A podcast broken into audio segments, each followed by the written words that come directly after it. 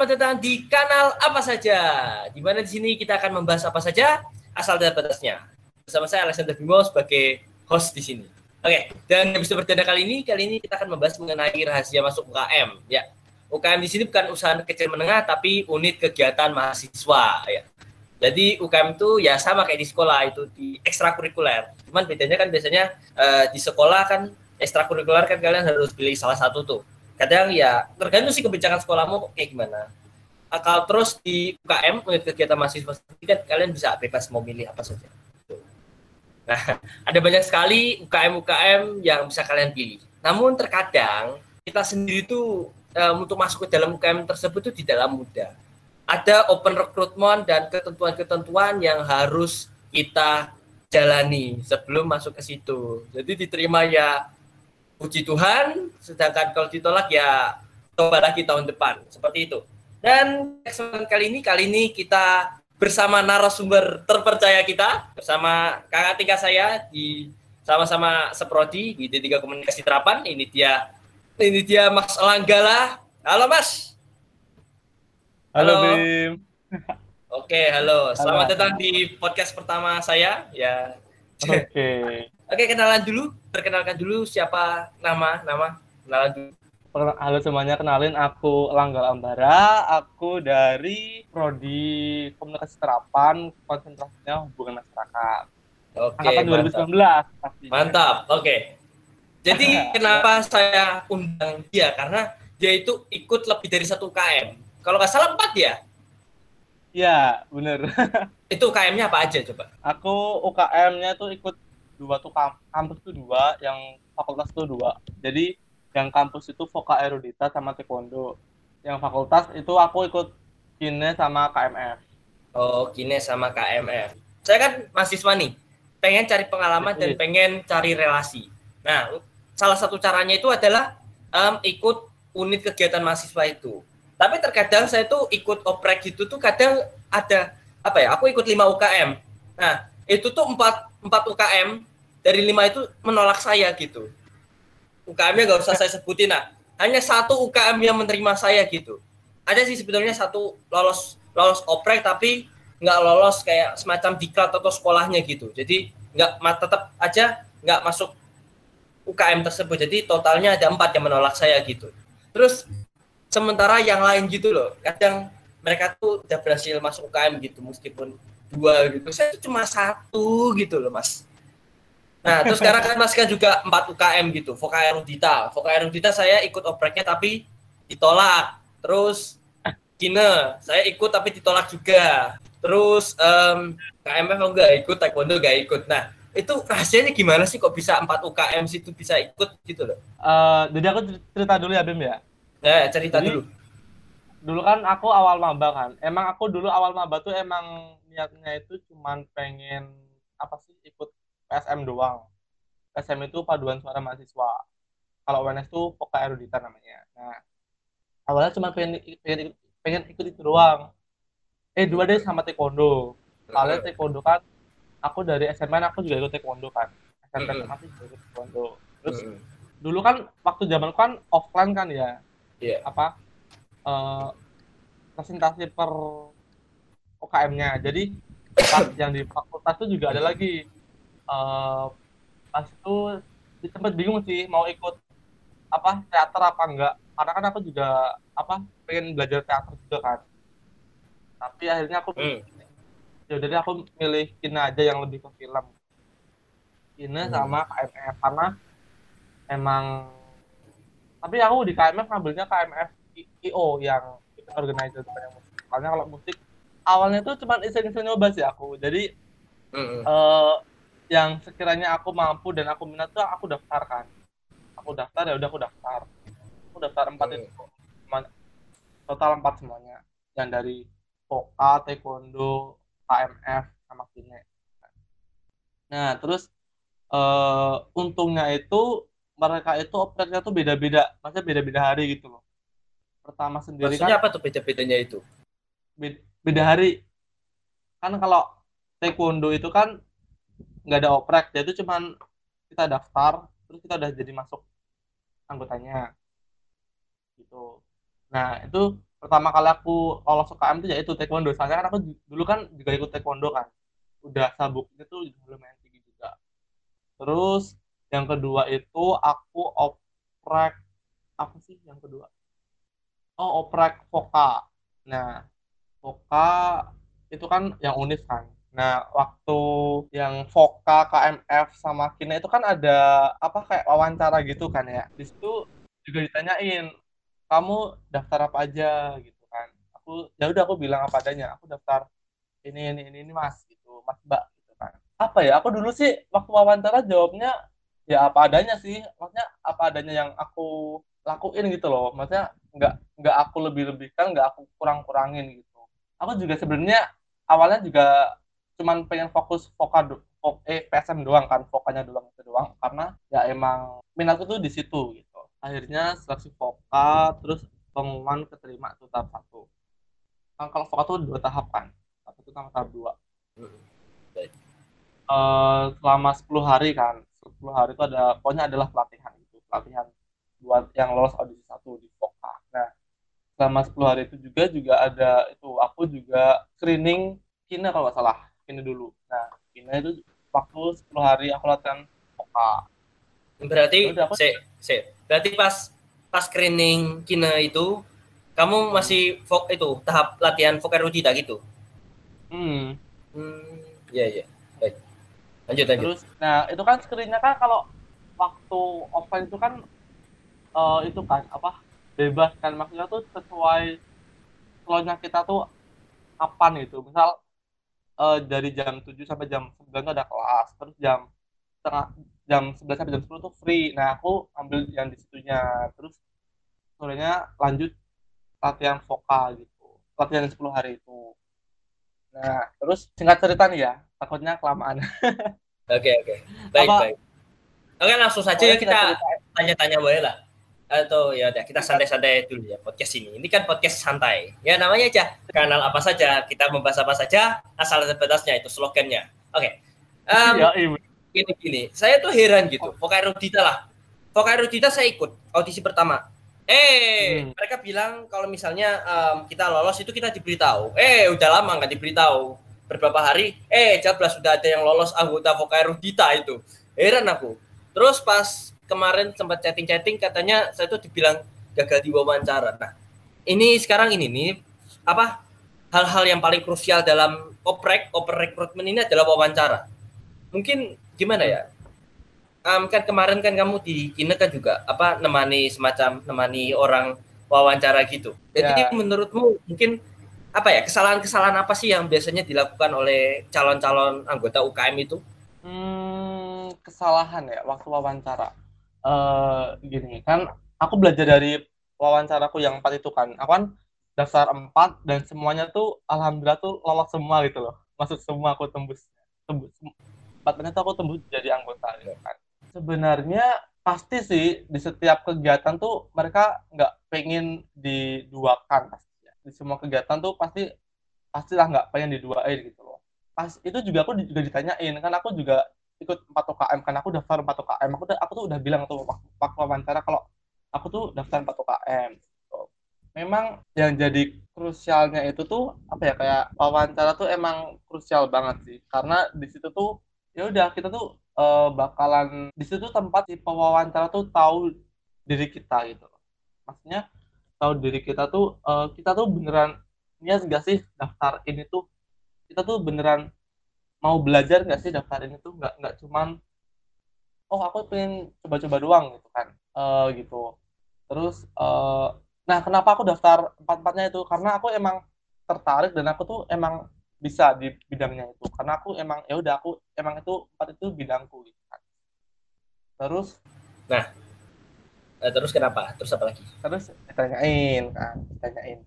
Uh, kan aku sibuk nih kan sebenarnya kegiatanku tuh gak cuma di kampus dim asal kamu tahu. Jadi aku tuh juga harus bolak-balik Jogja Solo kalau ada kegiatan Jogja. Dan waktu apa ya waktu ya selama seleksi-seleksi gitu tuh aku relain buat bolak-balik Jogja Solo Jogja Solo Jogja Solo gitu loh. Buat apa ya ya emang buktiin kalau aku tuh emang niat gitu. Emang kalau aku tuh daftar di sini tuh ya emang aku nggak main-main. Aku tuh emang niat dan pengen Hmm. belajar di sini dan ya, Wait, wait, Jog, saya Jogja Solo loh. Tinggal di Jogja toh. iya aku Jogja Oh. Sebenarnya- di Jogja tuh aku ada acara juga sih ada kegiatan juga di Jogja Hmm, iya iya iya. Oke, lanjut lanjut. nah kan yang kayak tadi aku bilang kan setiap kegiatan maupun baik itu kepanitiaan ataupun UKM ataupun hal yang lainnya itu pasti nggak pengen kan buat dijuain gitu. Nah, yang perlu ditekanin di sini tuh adalah bagaimana cara kita memanage waktu gitu loh. Bagaimana cara kita buat eh, mengatur skala prioritas. Gitu. Hmm, baik, baik.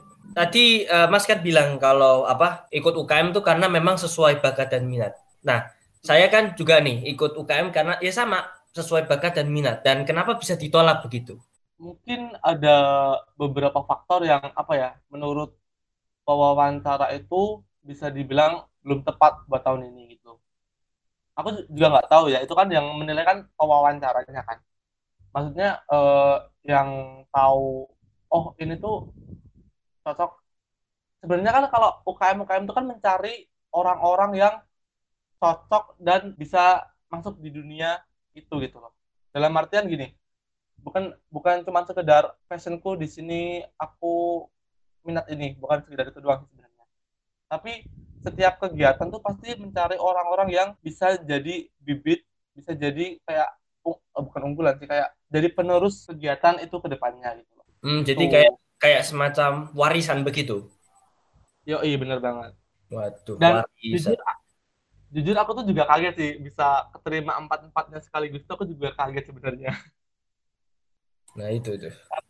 Karena apa ya? Kan aku emang mikir kan kayaknya aku kebanyakan sih ikut ikut empat empatnya itu emang kebanyakan banget kayaknya. Apalagi aku juga ikut kepanitiaan yang lain, ikut kayaknya kemarin PKKMB, ikut terus akrab juga, aku kan juga ikut kan. Terus kegiatanku yang di Jogja itu juga kayak aku mikir tuh kebanyakan gak sih sebenarnya tuh aku tuh dan kadang emang penyesalan tuh emang datang di akhir sifatnya penyesalan dalam gini artian gini aku tuh terlalu banyak mengambil kegiatanku gitu loh tapi emang aku tuh orangnya tuh emang kalau nggak ada kegiatan tuh aku bingung mau ngapain gitu loh paham nggak jadi tuh Hmm. aku tuh eh, udah kayak membuat timeline misal kegiatan A udah dijadwal nih selama setahun ke depan nah terus kegiatan B udah dijadwal nih selama setahun ke depan nah misal kalau ada Hmm. kegiatan yang bertabrakan atau berdekatan gitu ya yang kayak tadi aku bilang kita harus bisa nentuin skala pri- prioritas dulu. Gitu. Misal kegiatan A masih lama nih eventnya terus kegiatan B udah mendekat nih. Yaudah kita fokus ke B tapi juga nggak meninggalkan yang A. Gitu loh paham nggak? Tapi itu emang untuk beberapa orang buat memanage waktu tuh emang susah sih. Emang apa ya perlu kerja ekstra sih. Karena kita kan juga disambi kuliah kan kita kan juga kuliah. Iya, baik. sedangkan kegiatan kita tuh banyak contohnya aku nih 4 UKM gitu kan. Jadi kan emang harus ekstra banget ngebagi waktu ekstra banget harus apa ya memanfaatkan waktu luang gitu loh. Misal ada tugas ada apa. Jadi di sela-sela waktu luang tuh aku tuh emang harus gunain waktu buat ngerjain tugas atau apa. Di saat yang lain mungkin main atau di saat yang lain mungkin senang-senang lagi main ke mana gitu ke atau apa. Nah di situ aku ya emang udah jadi konsekuensiku. Karena aku udah ngambil langkah aku banyak kegiatan ya udah konsekuensiku waktu waktu aku main sama teman-teman itu jadi berkurang Hmm, gitu. Oke, saya aku ingin bertanya kan kemarin eh kemarin maaf kan tadi kan bilang kalau tentang masalah manajemen waktu. Nah di screening biasanya kan ada yang tanya begini. Em, kalau misalnya ada eh, misalnya acara ini, nah terus kebetulan juga ada kuliah. Nah itu kamu mau pilih kuliah dulu apa ini dulu? Lebih mentingin mana? Nah itu gimana caranya ngurusi hal yang semacam itu? eh iya sih ini pertanyaan di setiap apa ya wawancara sih pastinya. Kamu lebih mentingin mana dulu gitu kan? Eh Iya. ak- kalau aku sih dulu jawab semua kegiatan itu. Nah di situ tuh aku udah udah udah aku tekanin juga sih. Di situ tuh udah aku tekanin kalau aku tuh lebih berat ke paduan suara. Aku, itu di situ aku udah bilang aku tuh udah berat aku tuh eh ke disuruh disuruh misal eh kegiatan. Tapi juga aku melihat kegiatan itu dulu.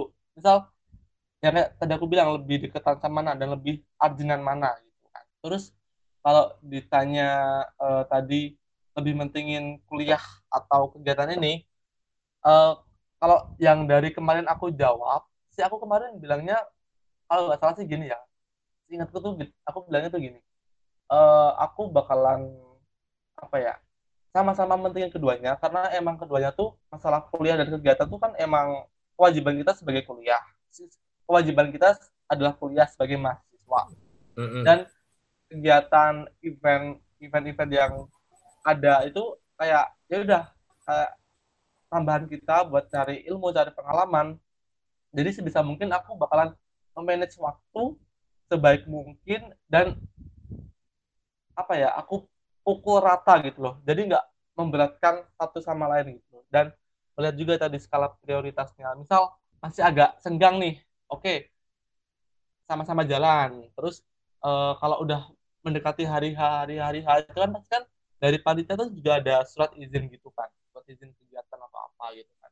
Nah ya udah kalau emang udah misal hari H dan hari H-nya itu emang tabrakan sama apa kuliah kan udah ada surat izinnya tuh dan semua dosen kalau udah ada surat izin pasti ngizinin sih Ya harusnya sih ada surat izin sih. Mm-mm. Hmm, berarti berarti begini, berarti pas screening gitu tuh sepertinya kayaknya percuma sih. Mungkin kalau misalnya kita ada acara gitu terus harus terpaksa meninggalkan berarti kan berarti harus surat gitu, surat resmi gitu ya berarti. buat event ya Ya misalnya kalau ya ya kan kita membahas pertanyaan tadi. Hmm, mm, sih. Jadi kan yang kayak yang kayak tadi aku bilang eh, skala prioritas itu. Eh, jadi kayak contohnya yang kemarin aku bilang aku bolak-balik Jogja Solo Jogja Solo itu selama itu selama 10 hari. eh, selama 10 hari dan selama ya nggak cuma 10 hari doang sih selama seleksi itu kan aku juga ada acara di Jogja kan jadi harus bolak-balik bolak-balik nah itu tuh jadi selama kan aku pagi kuliah ibaratnya tuh aku pagi kuliah siang kuliah terus sore tuh ada kegiatan seleksi itu misal. Terus aku malam misal harus udah ada di Jogja. Nah sebisa mungkin aku nggak meninggalkan salah satunya. Jadi semua tuh aku pukul rata gitu loh. Ya meskipun aku capek tapi ya ya udah itu konsekuensiku. Jadi setelah aku seleksi aku dari Solo langsung ke Jogja. Ke Jogja ada kegiatan dari jam berapa kemarin? Dulu ya. Pokoknya dari jam sekitar jam 7 atau jam 8 sampai jam 12-an jam 12 nah terus kadang itu aku kadang nginep di Jogja kadang aku langsung pulang. Tergantung tergantung besoknya tuh matkulnya itu jam berapa gitu kan. Misal matkul besoknya tuh pagi gitu kan. Pagi itu berarti aku aku memperkirakan "Ya udah aku langsung balik langsung balik ke Solo aja gitu.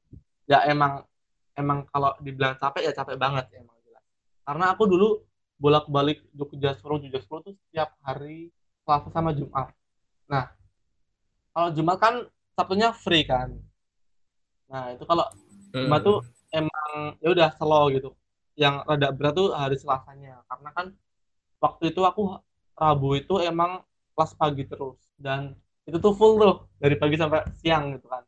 Emang capek banget. Dan sempat pas itu ada tugas kan aku tuh sampai bela-belain ngerjain tugas di Jogja. Waktu kan aku di Jogja di Jogja ada kegiatan terus ada waktu break. Nah itu aku manfaatin waktu buat ngerjain tugas segala macam gitu. Hmm, itu kagak sakit tuh, nggak capek banget gitu. kalau dibilang capek sih capek tapi untungnya aku nggak pernah jangan sampai drop itu nggak pernah sih. Nggak tahu kenapa nggak pernah sampai drop itu padahal ya bolak-balik terus aku. Hmm, tapi kalau dibilang capek ya capek terus dibilang waktu kuliah ngantuk ya ngantuk ngantuk banget hmm. soalnya cuma dua jam tiga jam tapi emang aku udah kebiasaan sih dari SMA aku kan dari SMA kan juga ikut kegiatan-kegiatan gitu kan ikut panjang jadi udah Hmm, kayak hmm. kebiasaan ya udah biasa Ya, gitu. sudah ada gambarannya gitu, udah ada bi- kebiasaannya begitu ya. udah udah udah terbiasa juga sih gitu Oh iya iya, oke. Baik. Untuk tahun ini ngurus oprek-oprek UKM tidak? iya aku ikut ngurus tapi bukan yang eh, menilai gitu loh paham nggak Hmm. panitia doang, panitia pelaksana. Kita lihat dulu. Kita lihat kasus Kinder, Kinder Club. Saya akan ikut UKM-nya. Tapi yang diterima hmm. itu dari 50-an itu diterima hampir setengahnya itu. Hampir mungkin nggak nggak setengahnya sih kayak um, berapa persen gitu. Cuma 16 gitu. Itu kenapa yeah. bisa dikit banget itu yang nerima itu? Karena uh, apa ya? Yang kayak tadi aku bilang, setiap kegiatan itu pasti mencari orang yang benar-benar apa ya? Benar-benar bisa masuk dan benar-benar bisa uh, benar-benar bisa ya udah bisa kerja di situ gitu karena kan kita masuk kegiatan tuh nggak nggak yang diharapkan oleh pengurus itu kan nggak nggak cuman sebulan dua bulan gitu kan yang diharapkan hmm. kan pasti bisa dua tahun tiga tahun empat tahun sampai lulus gitu kan hmm. karena ya kalau emang kita oprek tapi cuman cari orang-orang yang cuman bertahan beberapa bulan ya buat apa gitu loh. Karena setiap kegiatan tuh pasti butuh penerusnya gitu. Karena ya kalau nggak ada yang penerus ya gimana kegiatan itu mau jalan gitu kan nah Dan itu. Nah itulah bedanya antara UKM dengan ekstrakurikuler di sekolah gitu. Ya, ya benar bang. Benar bang. Makanya benar. Apa ya? Unik kegiatan mahasiswa ekstrakurikuler sangat beda sekali. Ekstrakurikuler hmm, mungkin ya satu tahun mungkin mungkin bisa lanjut sih. Um, kayak gimana ya? Kayak yang pengurus ya nggak ada sih. Paling cuma ya guru pembina. Itu pun kalau ekstrakurikuler. Terus kadang um, kalau lu mau milih di sekolah itu um, harus satu gitu. Nggak bisa pilih lebih dari satu. Itu tergantung ketentuan sekolah. Sedangkan UKM untuk kegiatan mahasiswa itu tuh langsung kayak mandiri gitu. Ya meskipun ada pembinanya sih ya ketua pasti mandiri dari mahasiswanya pengurus-pengurusnya anggotanya yang penting ya pokoknya kayaknya semuanya hampir semuanya itu mandiri, tapi tetap aja ada pembinanya, supervisornya begitu. Makanya untuk open apa open recruitment tuh hanya tidak sembarangan gitu. Beda kalau ekstrakurikuler masuk masuk aja itu kalau di sekolah, tapi namun kalau di unit kegiatan mahasiswa itu mereka akan mencari di mana uh, kita mencari semacam bibit unggul gitu. Karena percuma kalau misalnya orangnya bagus tapi dia seperti tidak bisa menjalankan tugas-tugasnya dengan baik itu percuma sekali gitu. Benar, benar. Ya, yes. nah itu itu yang Dulu, sudah saya tangkap di podcast ini. Terus apa lagi? Dulu juga aku waktu SMA juga itu sih. Uh, SMA aku juga apa ya? Ada dua ekstrakurikuler yang ya ya kayak UKM gini. Jadi emang bener-bener cari orang hmm. yang niat gitu loh. Dulu di SMA aku tuh ya, yang itu.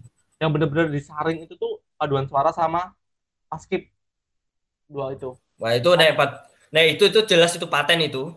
Karena ya emang dua itu kan pasti kayak unggulan setiap sekolah kan ya. Wah, itu. Kayak apa ya kayak dibilang ekstrakurikuler dengan kasta tertinggi gitulah dua itu tuh. Dulu dulu aku juga ikut itu. Nah, itu. Juga hmm. ikut paskit sama paduan suara gitu. Ah, iya. Yeah. Itu aku juga lolos dua-duanya. Nah, itu. Nah, aku juga lolos. Bener. Iya, bener. Uh, paduan apa ya? Paduan suara paskibra itu mesti ya karena saking ya ada prestasinya. Terus uh, sepertinya harus membutuhkan orang yang tidak sembarangan gitu masuk hmm. masuk nanti paduan suara bebas nanti kalau bisa paduan suara ya masuk banyak kan nanti harus disaring gitu suaranya mana yang bagus mana yang tidak gitu karena hmm. ya paduan suara kan butuh suara yang bagus karena kalau misalnya suaranya yang ceprek-ceprek ya nggak bisa menang lomba gitu nah kalau hmm. misalnya hmm. di pas kibra nih pas kibra mah jelas anda harus butuh rekrutmen tubuh-tubuh tertentu sehat gitu sehat jasmani rohani pasti ya um, hmm. harus benar-benar kayak kuat siap lahir dan batin itu itu pas kiblat itu pokoknya jelas paten itu benar, Nek, terus kalaupun sel or, apa selain UKM gitu kayak organisasi kayak kayak di sekolah kayak macam osis um, atau apa namanya yang itu saya lupa ya kayak macam demal gitu kayak oh, itu MPK kayak MPK gitu itu jelas ya mesti ada oh. oprek-opreknya gitu organisasi kan jelas tapi kalau ya kalau di ekstrakurikuler di sekolah itu sangat ya bebas itu ke sekolah. Tapi kalau UKM jelas ya udah oprek, tidak sembarangan orang itu seperti yang saya bilang karena membutuhkan bibit-bibit yang unggul sekali. Oke, sekarang kita uh, masuk ke dalam temanya, rahasia masuk UKM. Mungkin kamu minta dapat memberi tips coba untuk bagaimana caranya agar kita bisa masuk ke dalam UKM tersebut, lolos begitu. Bagaimana caranya? rahasianya, rahasianya apa ya? Uh, jujur aku juga bingung sih apa kenapa aku bisa keterima empat empatnya tuh aku juga bingung mm. karena ya eh, yang tadi udah aku bilang aku tuh udah daftar 4 UKM dan aku uh, ya udah emang empat empatnya tuh emang aku suka kan dan emang passionku gitu. Uh, mungkin yang perlu ditekankan di sini itu uh, apa ya? Bentar-bentar, aku mikir dulu. aku juga yeah, bingung yeah, bisa keterima, keterima empat empatnya tuh gara apa tahu juga bingung soalnya. Nah, Karena nah, uh, apa ya? Wawancara itu juga itu sih apa? Sangat penting. Yang kayak ah yang yang kayak tadi aku bilang itu penentu kita uh, dinilai itu bener nggak sih? Ini orang tuh beneran nggak sih? Ini orang nah. tuh bermuka dua nggak sih? Gitu. Nah, jadi itu itu. aku antara aku ya udah aku bilang apa adanya aku bilang apa adanya aku nggak pernah lebih lebihin nggak pernah kurang kurangin dan waktu kemarin oprek panitia PKKMB dan apa uh, makrab makrab prodi itu kan aku kan juga oprek kan oprek lagi kan ya udah aku juga bilang eh ditanyain kan kamu ikut 4 KM nih bla bla bla bla bla bla gitu kan cara bagi waktunya bakal gimana terus bla bla bla bla bla gimana ya udah aku bilang apa adanya aku bakalan uh, lakuin sebisaku semaksimalku aku bakalan pukul rata dan aku bakal mengukur skala prioritas yang lebih penting terlebih dahulu gitu dan aku nggak bakal apa ya ngeberatin salah satu doang gitu loh jadi aku bakalan terjun ke semuanya, tapi uh, melihat waktu dan prioritas yang mana yang lebih urgent, mana yang lebih mana yang lebih butuh kita dulu gitu loh. Gitu. Iya iya.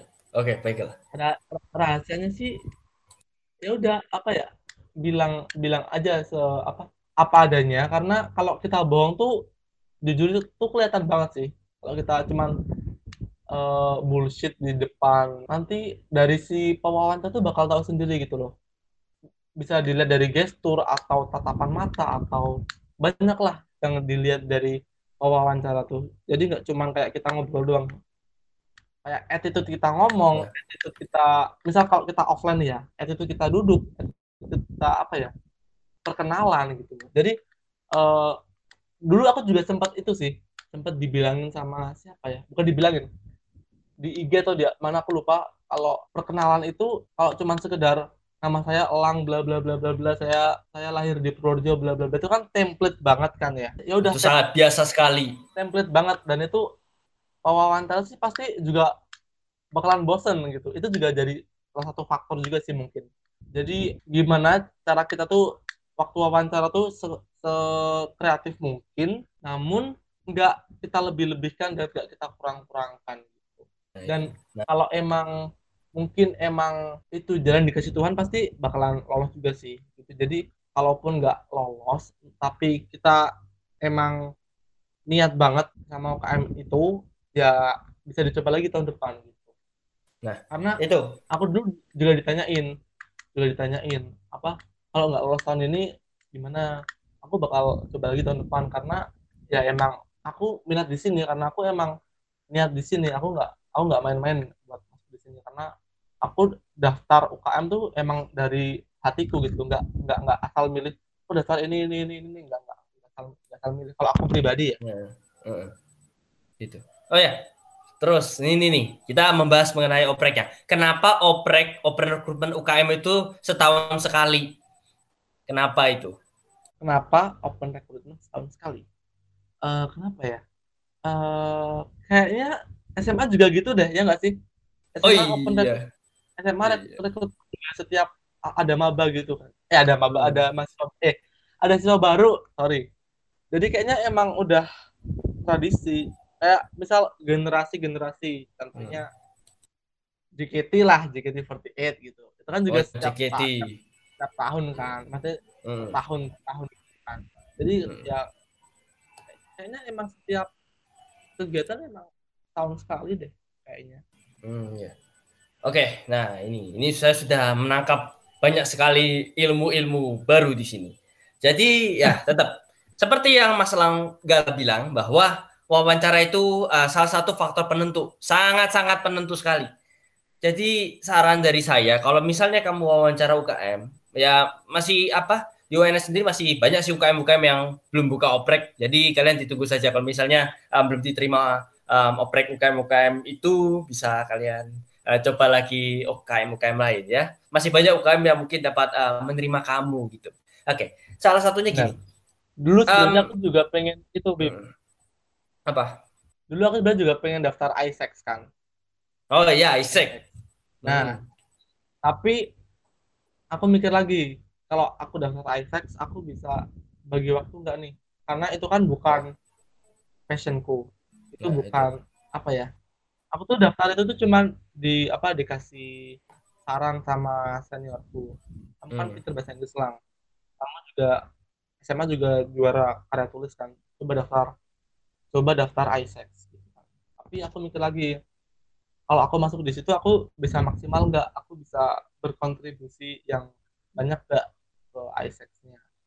Gitu. Aku takutnya tuh kalau aku udah hmm. masuk tuh ya udah aku cuman kayak jadi anggota bayangan kan kayak ya udah kayak capek gitu gak sih? Kalau jadi anggota bayangan doang tuh kayak kita udah hmm. terjun di situ tapi kayak jadi ya cuma bayangan doang kayak nggak ada realnya gitu loh. Jadi akhirnya aku mutusin buat nggak jadi daftar ASN jadi aku cuma fokus ke empat itu. Dan empat itu aja tuh aku juga apa ya ngebagi-bagi waktu. Contohnya kayak Poka sama taekwondo. Poka itu kan hmm. latihannya kan setiap Senin Rabu Jumat kalau hmm. taekwondo kan Rabu Jumat Sabtu nah, hmm. karena aku dasarnya emang dari awal tuh udah bilang ngeberatin ke paduan suara jadi hmm. aku ngeberatin ke Poka buat latihan